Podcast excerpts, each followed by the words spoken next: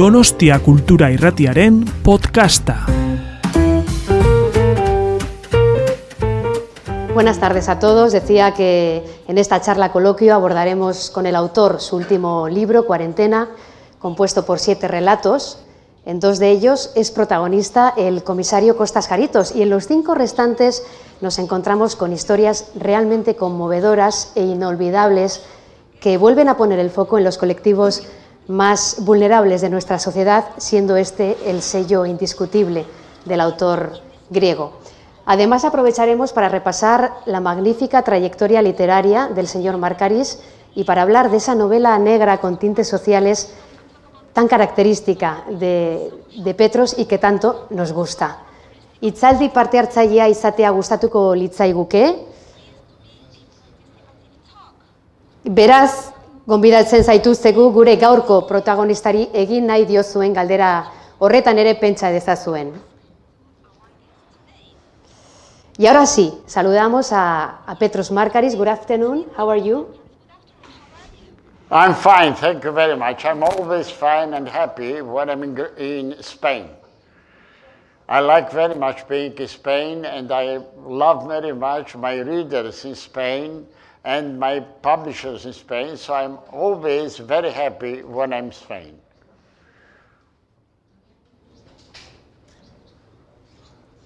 No es su primera visita en Donostia. Eh, ¿La recordaba? Sí, recordaba sí la ciudad eh, desde su última visita. Well, the second, my second visit to San Sebastian was during summer.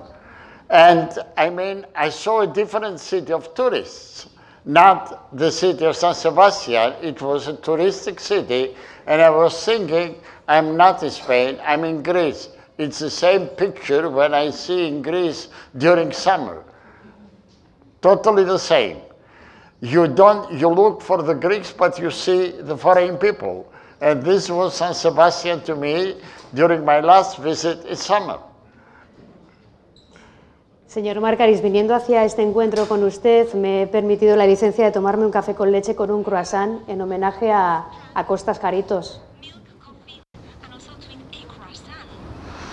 Yeah, yeah uh, you, you wanted to eat the breakfast of Costas Charitos when he goes to his office, okay? I don't do it, but uh, I mean, if you enjoy it, it's okay. Se lo iba a preguntar, a ver si usted era también de café con leche con croissant. Veo que no. Well, well, uh, since the days of my mother, I start my first drink in the morning, and it is tea. When I finish with a cup of tea, I drink only coffee afterwards, but the first drink of the morning is always tea, not coffee. Bueno, nuestra conversación estará marcada sobre todo por ese último libro publicado, Cuarentena, pero sí que me gustaría eh, poner en situación a las personas que hoy nos acompañan aquí en Oquendo. Usted estudió economía en Viena y Stuttgart. Eh, ¿Cómo acaba un estudiante de ciencias económicas convirtiéndose en escritor de novela negra? Ah, this is a very interesting question. You know, it was not my decision to study economics. It was a decision of my father. I hated economics. I never wanted to study economics.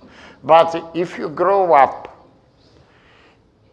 in a minority, and I grew up in, a, in, a, in the Greek minority in Istanbul, it is very difficult to say, it was very difficult at that time, beginning, say, of the 60s, to say to your father, look, I don't want to study economics, leave me alone. It, it wouldn't work.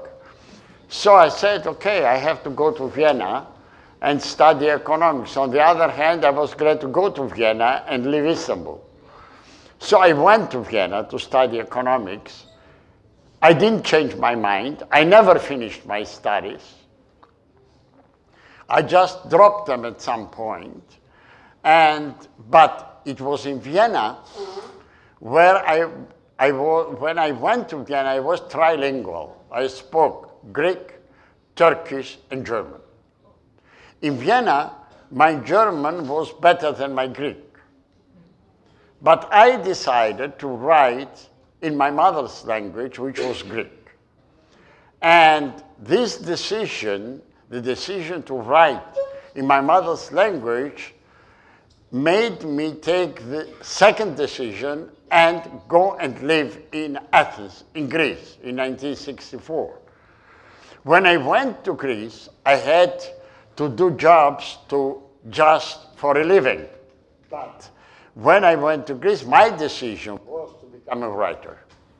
I'm glad I did it, but still, I didn't know at that time when I decided in 1964 to go to Athens if I would succeed or not. Mm-hmm. Bueno, vemos que sí, que sí ha tenido éxito. Eh, hemos tocado el tema de Alemania, hablando de alemanes ilustres, la influencia que Bertolt Brecht eh, ha ejercido en su obra es incuestionable. Su novela negra diría yo que podríamos decir que se asemeja en algo a ese teatro épico de, de Brecht, en el que el teatro es un medio de, de concienciación de la clase trabajadora. ¿no? En ese sentido, usted también eh, intenta remover conciencias eh, o al menos dejar eh, plasmada su crítica social en todas sus publicaciones. Yes, that's true. I mean, if you ask me who was as, your teacher as a writer, I will say Bertolt Brecht. I learned, I never got to know Bertolt Brecht because he died in 1956. Uh, but his impact and his influence on my personality and my way of thinking was, uh, say, crucial. It was really very important. And I started my, say, my literary work as a translator of Bertolt Brecht. I translated many of his plays, also part of his prose, like the stories of Mr. Keuner, and also, uh, say, uh, an anthology of his poems. So I'm very familiar with Bertolt Brecht and his theory. And it is true that still, at this day, I'm still influenced by Bertolt Brecht. And what the reader may not notice, but I know when I'm writing it, is the, his theory of distanciation. I'm always distanciated when I write.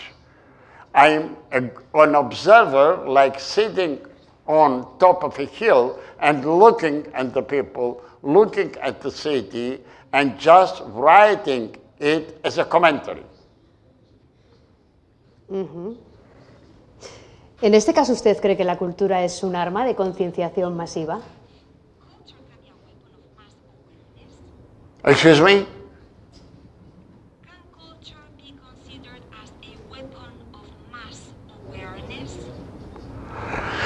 Well, yes, to a great extent, it, it can be, it, should be too. Yes. ¿Cómo surge un personaje como el comisario Costas Jaritos de alguien tan de izquierdas como Petros Markarin? Sin conocer al, al personaje, a priori parece que estuviésemos ante un oxímoron incluso. Now, it's not an oxymoron, but I'll tell you the story how I got uh, to know Costas Jaritos and his family. From, uh, till, say, till 1992, from 1989 to 1992, I was writing the screenplays for a very successful series called Anatomy of a Crime. They were very successful, and three years long I was keep I kept writing the screenplays. At the beginning of the third year, I was fed up with it. So I went to the TV station, to the, to the program manager of TV station, and said, look, he was a friend, I'm fed up with it, find somebody else to write the, uh, mm, say, the, screen, the screenplays for the series, I don't want to go on. He looked at me. He said, you must be crazy. You are get, ma- making a lot of money because at that time they were paying very well in the TV. We are making a lot of money because of the huge, I mean, uh, say, how they say, uh, the, the, the huge su- success we had with, say, uh, eh? not the audience, with, uh, say, um, I I forgot the name. Uh, in German, they say Werbung. Uh, the, uh, will go on another three months and then we'll see. And I started again. I, uh, uh, to tell you the truth and be quite, I mean, uh, honest with you, I needed the money. So I said, let's go now. It's not the time to break. And when I started again, suddenly one day, I saw in front of my working place, in front of my computer, a family of three people a man, a woman, and a child. At that moment, I didn't know that the child was a girl. A very typical Greek family, low class Greek family, low middle class. And my first reaction was totally against it, negative. I said, I've written so many low middle class people in the series, it's enough. But the man was very stubborn. He wouldn't go away. He was there. I was seeing him every morning. And this started to be a torture for me because I couldn't concentrate on the work, on writing the screenplays. Well, until one day I said to myself, if this, if this man is torturing me like that, he can be either a policeman or a dentist. And then I said, what can you do with a dentist as a principal character? He has to be a policeman. That's how Haritos came to me. Once I knew that he was a policeman, I knew his wife, the name of his wife.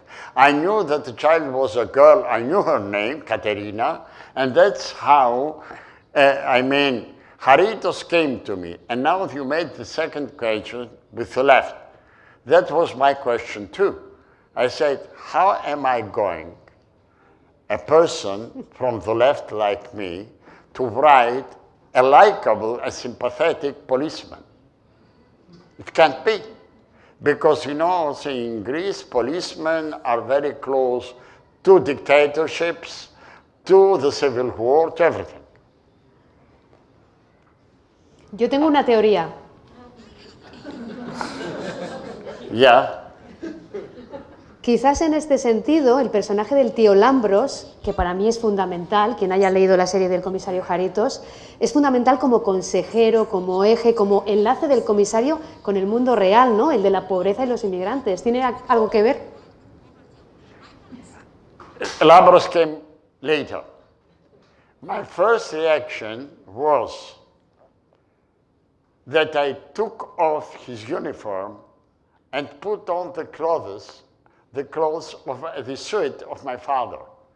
And I saw behind the policeman the little mi- middle class person my father was. And then it was easy. I know him.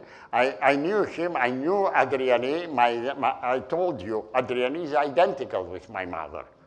You read Adriani, you know my mother. That's how it is. And that's how it came. With Zisis, it was different with Lambrosis. Look, I grew up in Istanbul. I didn't have the experience of the German occupation in Greece. I didn't have the experience of the civil war in Greece. I know everything about them, but from reading, from literature, not from personal experience. And at one moment, because I was not emotionally involved, I said, why, after so many years, cannot, I mean, a policeman build up a relationship with a leftist? And that's how I brought them together. Now, this is part of the family. Even the grandson has his name, Se llama Lambros. Lambros. Yes. Yes. That's how it is. But in the beginning, it's, this is the way Haritos came into life with his family, with his whole family, not alone. And that's why I kept the family. And it's the whole family that, that is important for me. I'm not telling, I'm telling two stories. The story of Jaritos as a as a police commissioner and investigator, and the story of Jaritos as a family man with his family.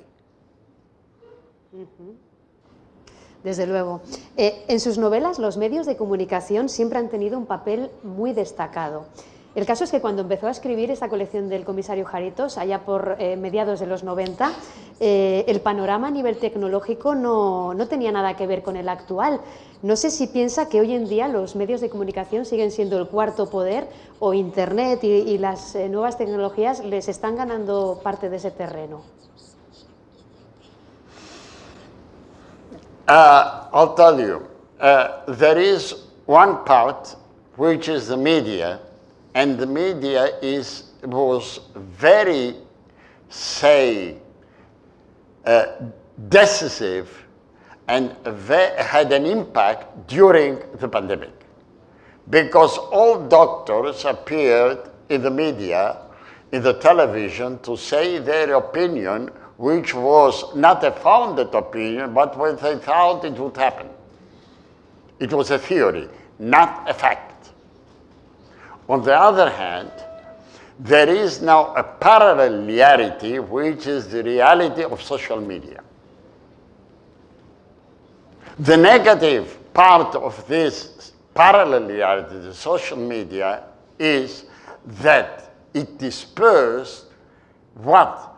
The living protest, the living, I mean, demonstration. Everybody is writing his own ideas in the media, and nobody cares to go out and let people hear his voice. And this is something that I find very dangerous and very destructive.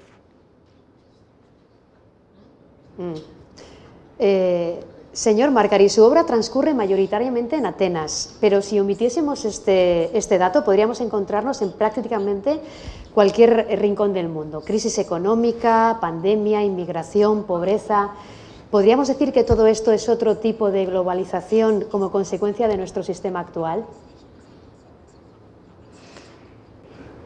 Excuse me, uh, uh, on one part you're right.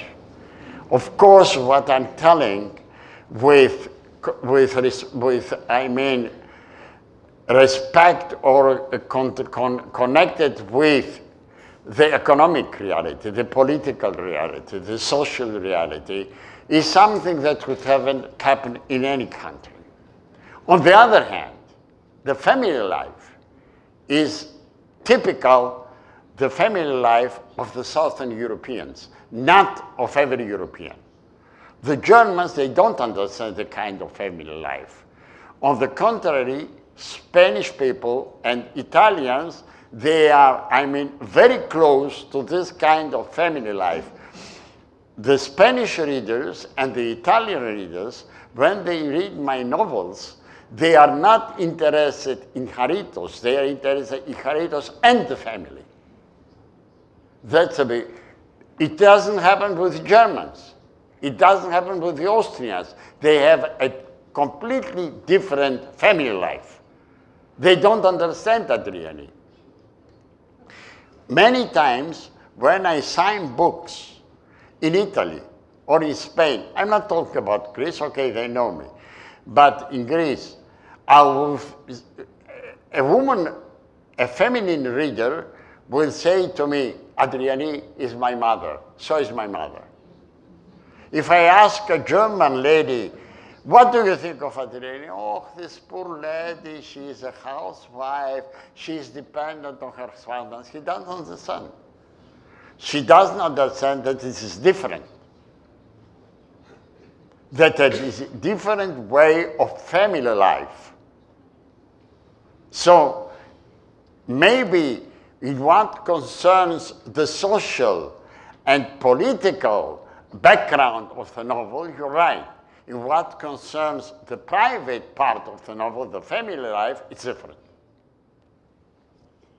Recupero una cita de su libro Próxima Estación Atenas, un poco en referencia a lo que estamos comentando, en la que usted decía que hoy es todo, desde la ropa hasta la política, un caldo uniforme. Todos pertenecen a un centro bien coordinado.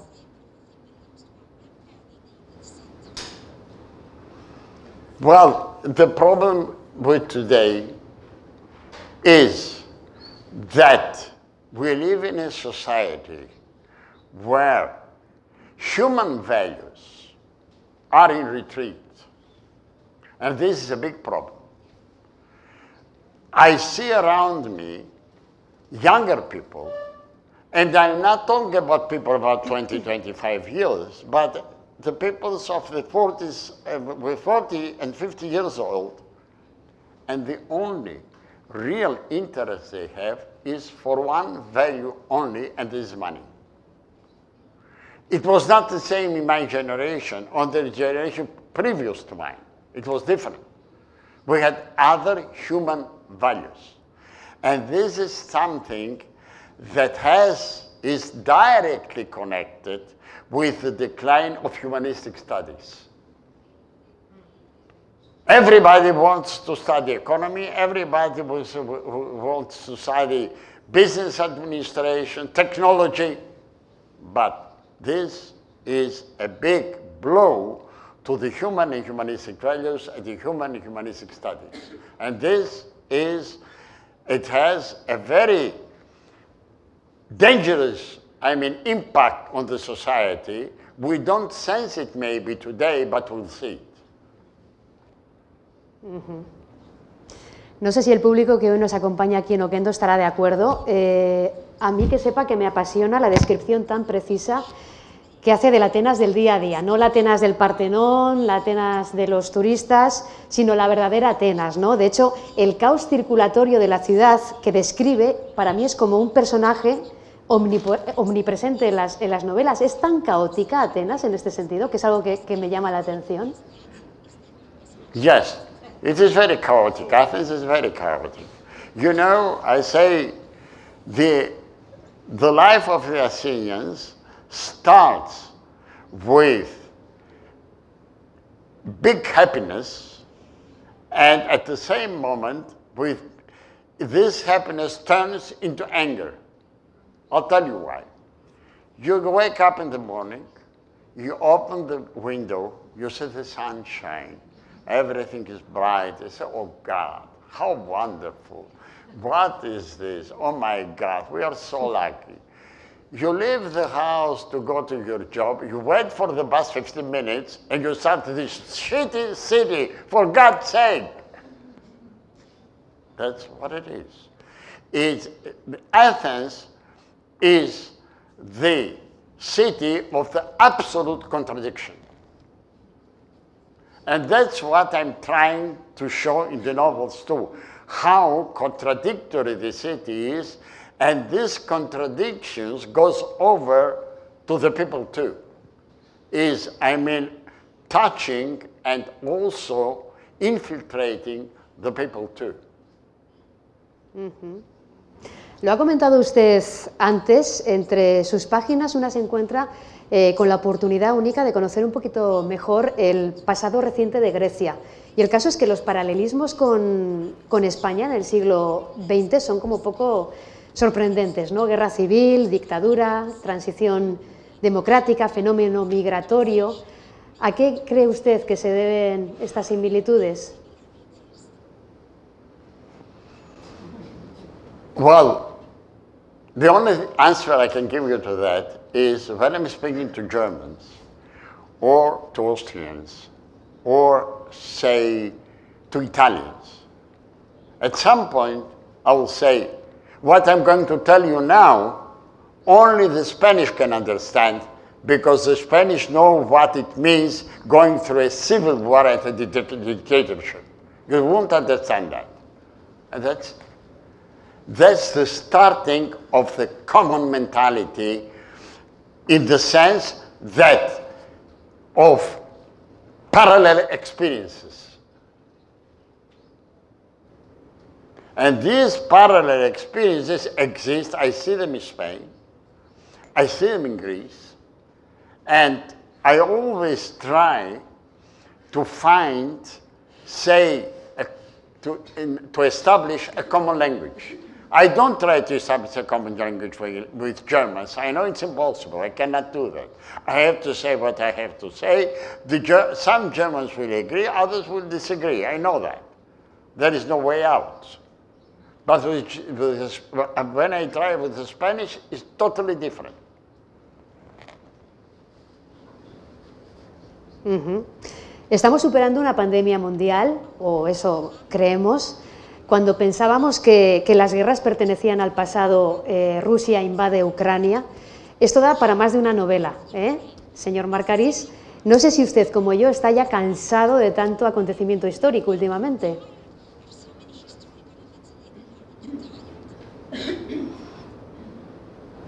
Tired of what?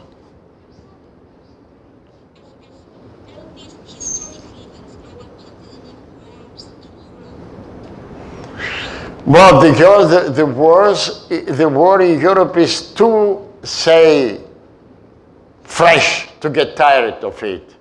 It is a human disaster, and you never get tired of a human disaster. You get upset, you get angry, you get desperate, but not tired. As for the pandemic, well, it was very tiring, I agree, for everybody.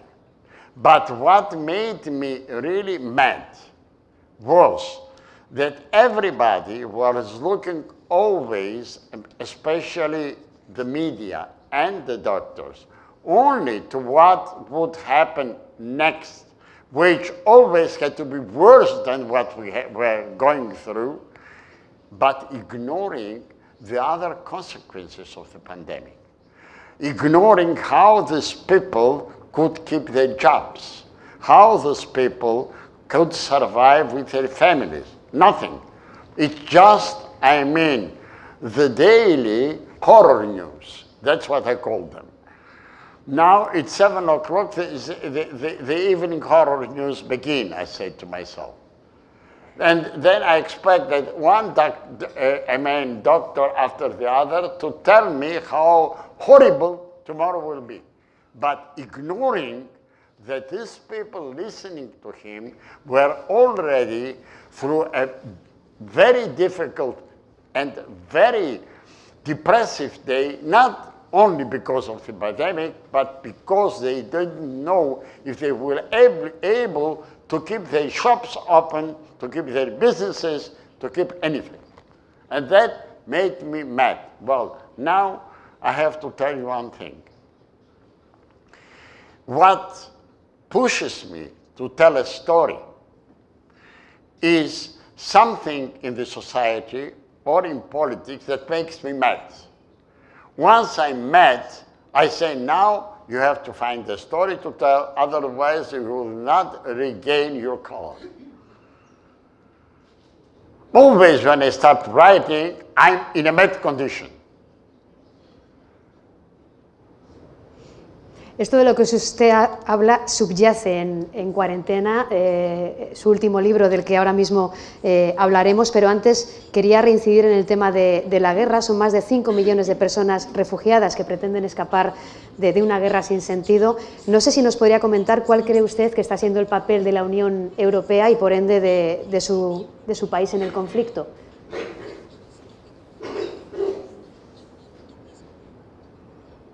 uh, you're asking me the obvious.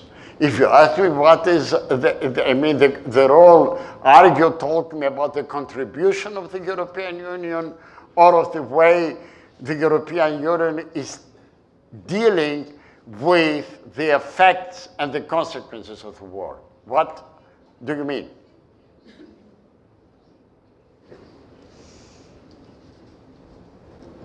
Justo eso. Excuse me? Well, I'm telling you, Europe is telling, uh, giving arms, human, I mean, help, and all this thing is being done, isn't it? So, somebody will tell you we are helping the people, we are helping the Ukrainians, we are helping all these people to stand and fight and, uh, I mean, defend their country. It's true. On the other hand, Euro the Europeans say, the European governments, all of them say that, but at the same time they say to the people in each country, you have to pay for the consequences with the price of the natural gas, with the price of electricity, with the price of everything. So we are, I mean, helping, you are paying the price. And this is something that Europe has to think about. Mm-hmm. It's not so easy. It's not, I mean, so simple to say to the people, okay, we will help you, but somebody else with a family will pay the price because in Greece there are people, they are unable to pay the cost of the natural gas. Even in Germany, there are families that cannot heat their homes.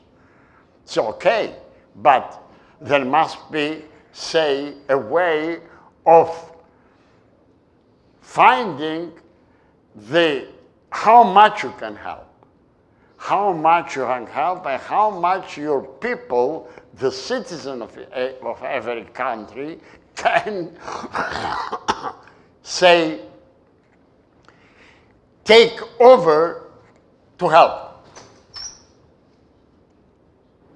Desde luego. Nos vamos a centrar en Cuarentena. Es el último libro, la última publicación de Petros Markaris. Está compuesto por siete relatos donde la pandemia del coronavirus es, es, muy protagonista, está muy presente. En los dos primeros relatos volvemos a saber del comisario Jaritos y usted vuelve a mezclar de manera magistral la investigación de un caso de asesinato con la rutina amable y familiar del personaje, en esta ocasión eh, confinado en casa tras haber dado positivo en coronavirus. Y el personaje, al igual que en la realidad, nos ha pasado yo creo que a, todos durante todo este proceso, no lleva demasiado bien eso de tener que convivir tantas horas con su mujer, con Adiani, que para más Inri parece conocer mejor las nuevas tecnologías que, él mismo. Esto ha sido una realidad también en, los hogares, ¿no? En, los hogares de todo el mundo, vamos.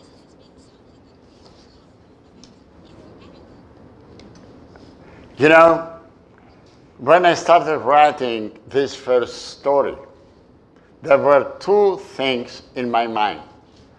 The first one was that you may be a good investigator, but that, that doesn't mean that you are good in technology too. You must be, you can be an ignorant technology. You don't have to be, a, say, a genius. This was one thing. The second was that the poor wife, I mean, the housewife Adriani, she has a phone, but what does she know? Well, she knows more than her husband. It's a proof. She knows more. She has, I mean, a better connection with technology than her husband. And the third, and very important thing was, you know, having a family where the working person is a man and the housewife is a wife, has the following, say, everyday routine situation that the man is in his work all day, the, the wife is at home all day, and they meet only after working hours when the man returns home. So it's practically a, say, a common life of some hours every day between after working hours and going to sleep. That's it. But what happens when the man is every day, all day at home? How can they cope with this situation? And the interesting thing is that the man is trying to work from home, being in spite of being an ignorant in technology. And the wife finds, and uh, the, the situation in the beginning is very tense, but it stops being tense when his wife, Adriani, finds a way to communicate with her grandson for whom she is knitting a pullover. So the everyday contact with the grandson and the mother, her daughter, brings some calm in the house and also the possibility for the man to work professionally from home. Muy bien. Hemos hablado de, eh, de, esa situación que hemos vivido muchos, lo de eh, enfrentarnos a las nuevas tecnologías de sopetón casi en, en plena pandemia. Y, habla usted también del miedo, ¿no? Me parece muy de relieve cómo pone el miedo ahí también de protagonista, porque mucha gente ha convivido durante esta época con, con, miedo, sobre todo personas que son más vulnerables al virus, como puede ser el caso de las personas mayores, y eso se ve muy bien reflejado también en el primero, el segundo e incluso el tercer relato, ¿no? Yes, of course there is fear. But on the other hand, there was during the pandemic, today it's less, fortunately, but there was during the pandemic a, a, a, whole system creating fear. It was not only the fear of the disease, it was not only the fear of the virus, it was also a system who was, uh, which was creating fear because this creation of fear was pushing the system to the, in the center of our lives, to the center of our lives. And this was very important to them. And I'm speaking about, I don't know how it was in Spain, but in Greece, the whole day, from morning news to, night, to late night news, there would be two or three doctors starting to terrorize people that tomorrow it will much better. Then in three months we will have a new wave which will be disastrous. They didn't have any facts for it. No. They didn't even have any, they didn't even have facts for what was happening at that time. To speak about the future would be, I mean, crazy. But they still talked about the future. And this continuous creation of fear had, I think, disastrous consequences, not only in, say, in the in jobs for the working personnel and in the life, but in increasing, say, uh, the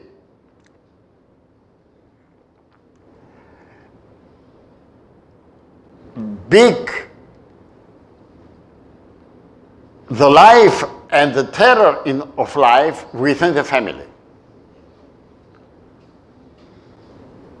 The big problem was that uh, in Greece, I saw it still today, that this way of living just is a way to increase brutality within the families.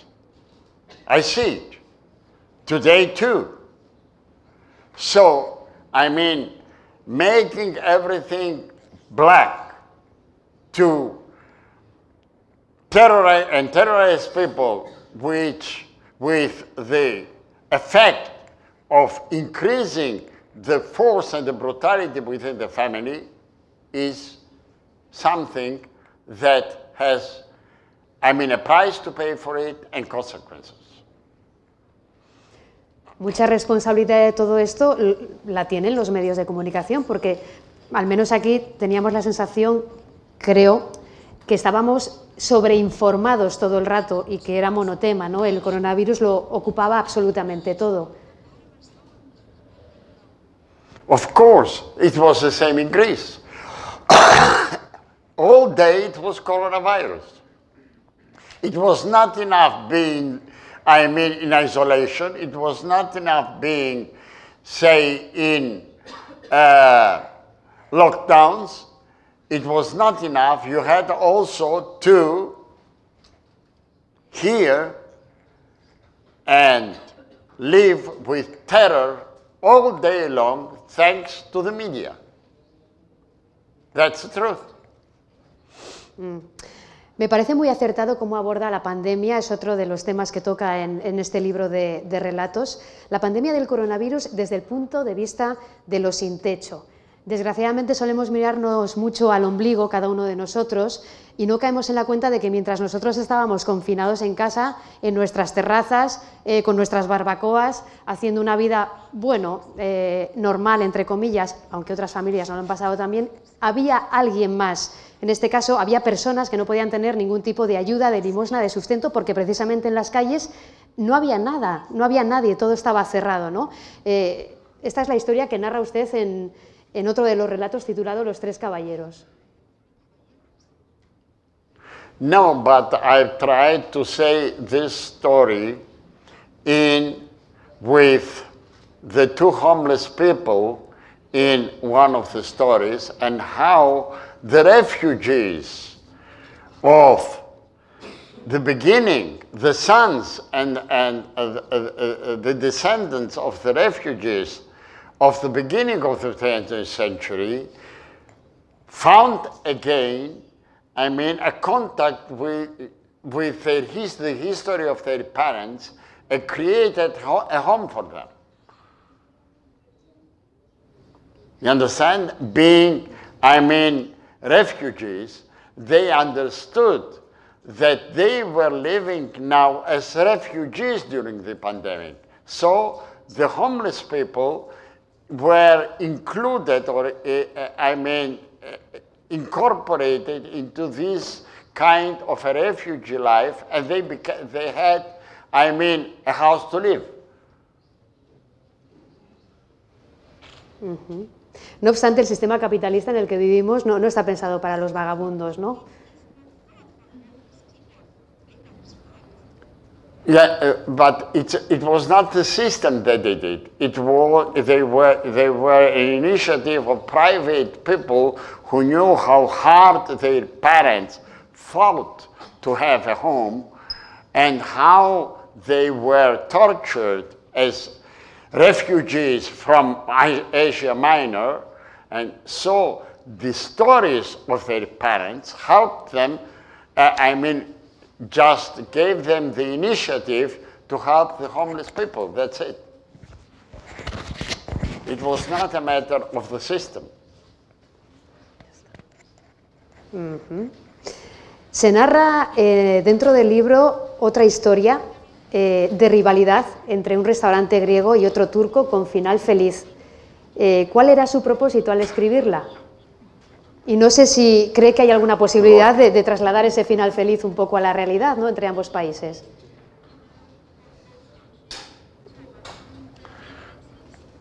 Look, if you are talking with me about the political aspect of this controversy between Greece and Turkey, I will tell you they, it's going on since 100 years now, and I don't see how it will be solved in the next five, six years. It's impossible. If you ask me uh, about these two families, I'll tell you then I'm very often in Germany in the country. And it is very simple.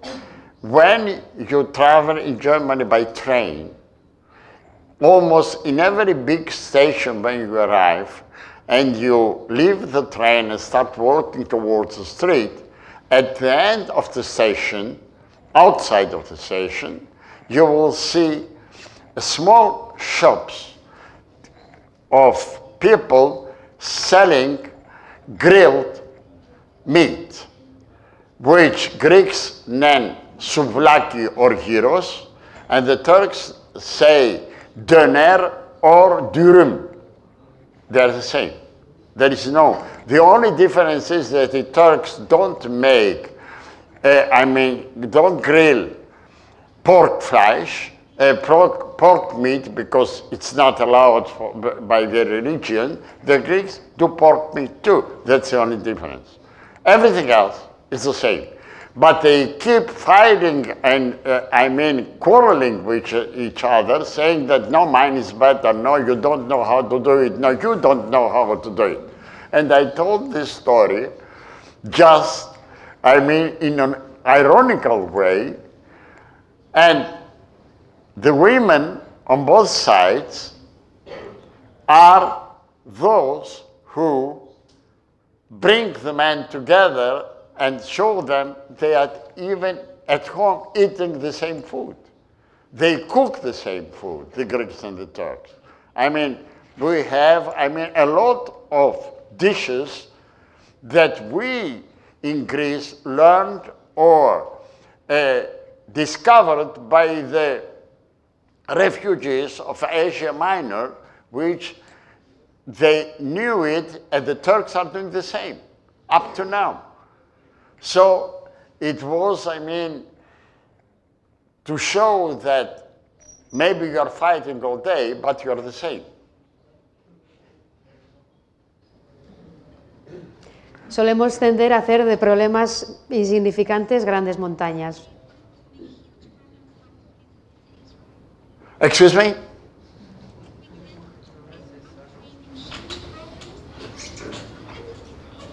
Yes, that's true, but I mean, it's one thing, the political, say, impact and the political controversies.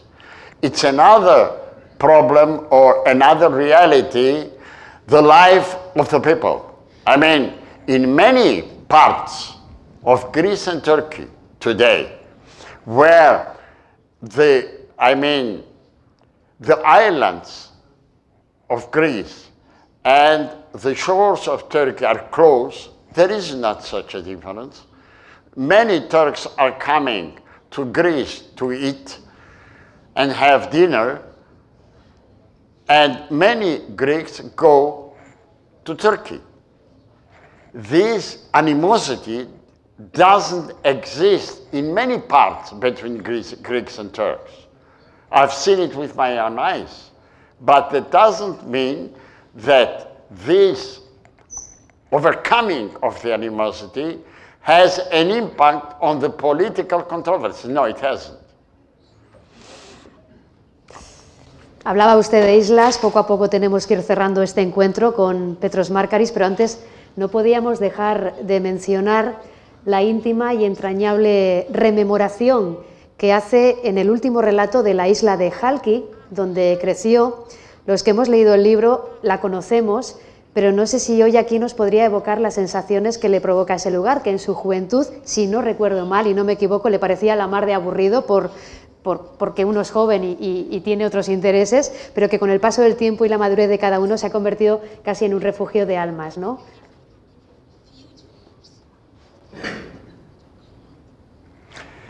Look, uh, the island where I was born in Turkey, in Istanbul, and I grew up, Halki, the Turkish name is Heybeliada, is the third of the Princess Islands of the, on the Marmara Sea. The third one. There are four.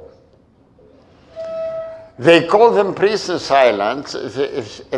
Most of the people think they, they call them Princess Islands because they are beautiful. They are beautiful. But that's not the reasons why they call them Princess Islands. The reason is that since the times of Byzantine Imperium, these islands were the islands of the expulsions of the princes of the Byzantine princes who fell in disgrace by the emperor, from the emperor. It was, I mean, a, a place for exile, not because they were beautiful. So the name remained. We call them all Princess Islands. The third one is where I was born and I grew up. And all four of them are still today uh, I mean, uh, a summer resort, each of them. For summer, for people to live there and go swimming, etc., etc., etc. And during the period from the end of May till beginning September, all islands are full. And I had a lot of friends, a lot of people going together out, etc.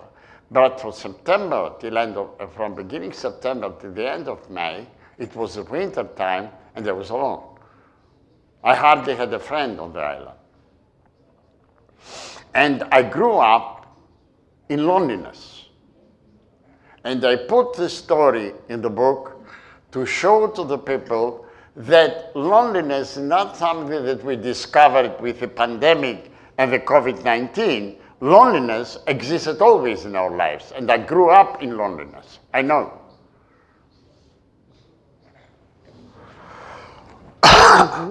Si le parece bien, señor Markaris, vamos a dar la oportunidad a las personas que hayan venido a disfrutar de esta charla Please. para que, si así lo deseen, puedan hacerle una pregunta. Beraz, norbaitek galderaren bat egin nahi badio Petros Markasi?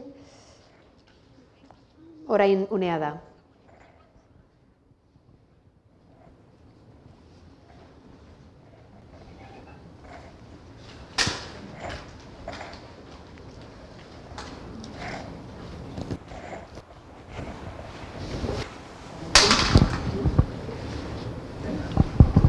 Hola, buenas tardes. Le quería preguntar, eh, leyéndole varios relatos suyos y de otro escritor turco, a ver si tiene usted alguna relación con personal con Omar Pamuk, ya que él eh, vivió también Omar Farouk, he Premio Nobel. Pamuk. premio, sí, premio Nobel, también el escritor. Porque Orhan Pamuk sí, is the name, not Omar Pamuk. Orhan Pamuk. eso es. He's a very famous writer worldwide. He got the Nobel Prize. No, I don't know him. But he lives most of the time in the States, not in Turkey. Eh, bueno, he leído como que él, eh, cuando les expulsaron a los griegos de Estambul, como él vivió esa experiencia desde un balcón y vio también cómo les expulsaban. Y era por saber, porque convi- él escribe mucho de Estambul, usted también, y luego él también ahora va- eh, está haciendo una novela sobre el tema de la pandemia y era por si alguna vez habían hablado o si tenía alguna relación con él, habiendo nacido en la misma ciudad, nada más. No, no, we never had any, I never had any connection, any contact with Orhan Pamuk, Orhan Pamuk, no. There is another lady here who wanted to, give, to ask a question. Are you?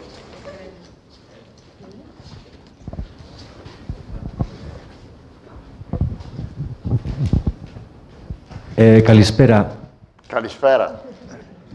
Estuve hace 36 años en, en Grecia y fui a una ciudad del Peloponeso que se llama Kiparixia. Kiparisia, yes. Entonces había eh, dos fondas. Hoy he visto que está lleno de hoteles. Estuve ocho días. En esos ocho días, turista estaba yo y coincidí con dos franceses que estuvieron un día y con tres catalanas. No había turismo. Todas las mañanas iba a la plaza del pueblo y a las 12 llegaban los agricultores, porque el pueblo vivía de la agricultura. Me sentaba y decía, en frappé para caló, y me sacaban el frappé. El segundo día yo hablaba con, con la gente de, los campesinos, la gente de la isla, y el segundo día uno de ellos me dijo, Hispanía. Y le dije, sí. Y me dijo, tengo una furgoneta, un vehículo de la marca Ebro, que es un vehículo que había antes aquí en España. Eh, y le dije, ¿tienes un vehículo Ebro? ¿No has comprado un vehículo alemán?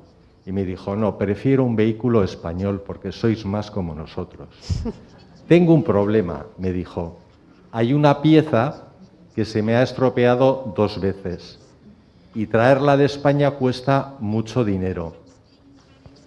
¿vas a volver a Grecia? Y le dije, sí, voy a volver a Grecia. La próxima vez tráeme por favor la pieza del motor Ebro que yo te voy a decir.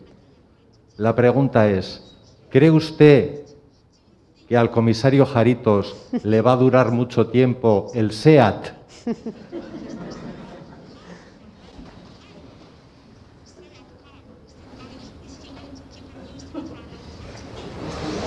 Frankly speaking, he had a Fiat first, and then he bought a Seat.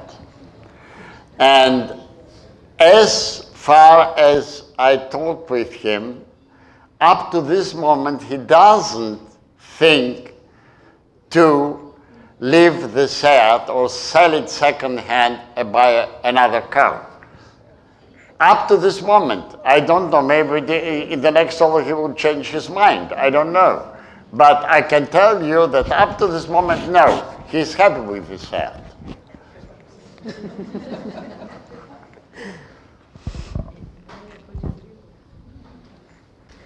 Seat.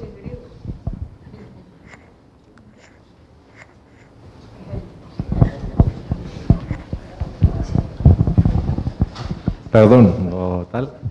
Eh, cuando viajé de Atenas a Kiparipsia, el tren paró en una estación y eh, pasaron cinco minutos, el tren no salía, pasaron diez minutos, el tren no salía y la gente no se inquietaba porque aquello era normal. Pero los pocos turistas que había estaban nerviosos. Eh,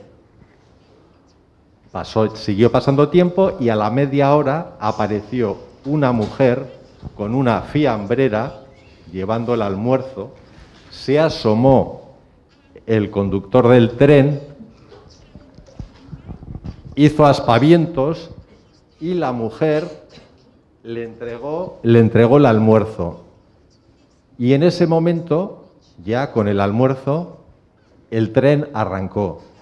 Y yo dije, aquí voy a estar muy bien.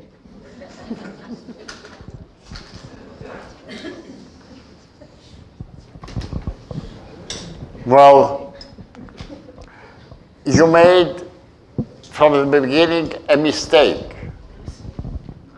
Your mistake was to try to go by train in the Peloponnese. This was a huge mistake. You shouldn't do it again. Take a bus. Don't never go with the train because train in the Peloponnese are still a disaster, my dear. So there is nothing I can do to help you. I'm sorry.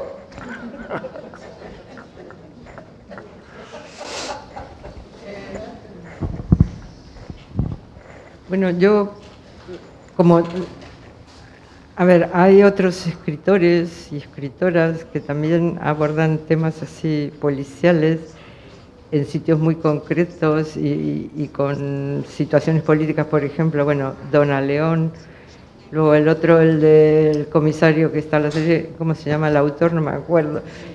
Pero no sé si quién empezó primero, si, si se inspiran unos en otros o cómo, cómo es. No sé. El, el de Montalbano, ¿cómo se llama? Uh, I read lots of writers, but uh, not to, to, to have an inspiration because I'm interested to know what others, say writers, do. I have a very high respect for Montalban especially.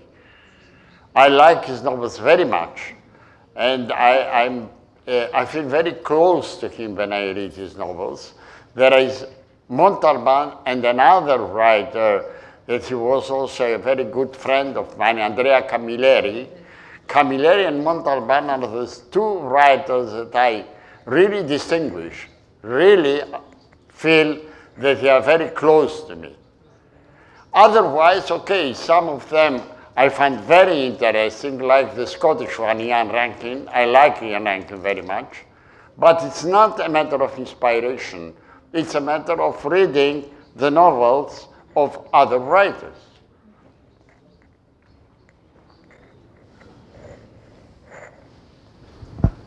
¿Alguna otra pregunta? No. Okay? Bueno, vamos a poner el broche de oro a esta charla. Espero que hayáis estado a gusto, que, que os haya aportado y que hayáis estado bien. Eh, ha sido un verdadero placer, señor Marcaris. Thank you very much. Thank you very much for inviting me. It was a great pleasure to be here with you. Uh, Pero Really, I, I, I loved it very much and very happy to talk to you. And I hope I'll have get another chance to come to San Sebastian again. antes de despedirnos, no obstante, una última pregunta, si me lo permite. Please. Si tuviese que tirar de Dimitracos, el diccionario al que siempre recurre el comisario Jaritos, y dado sus antecedentes de activismo social, ¿qué palabra buscaría para definir el mundo actual que nos ha tocado vivir?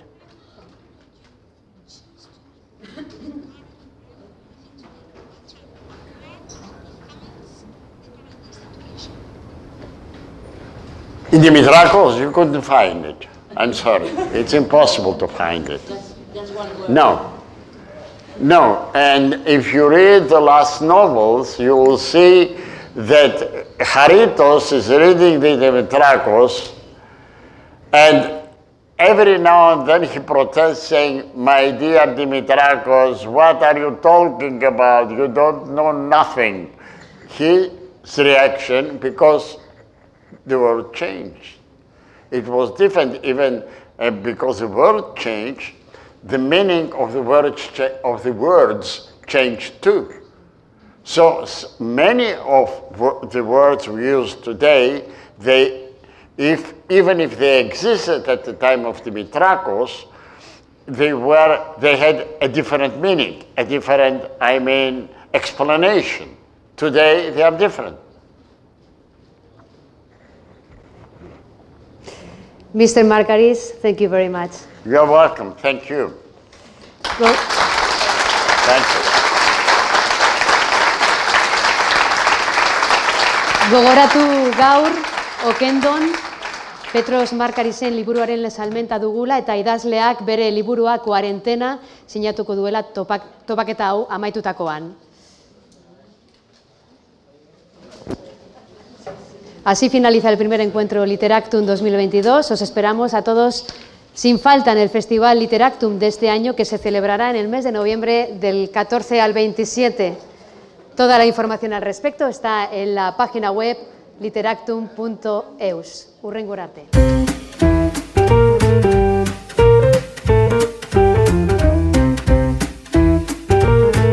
Donostia Kultura Irratiaren podcasta.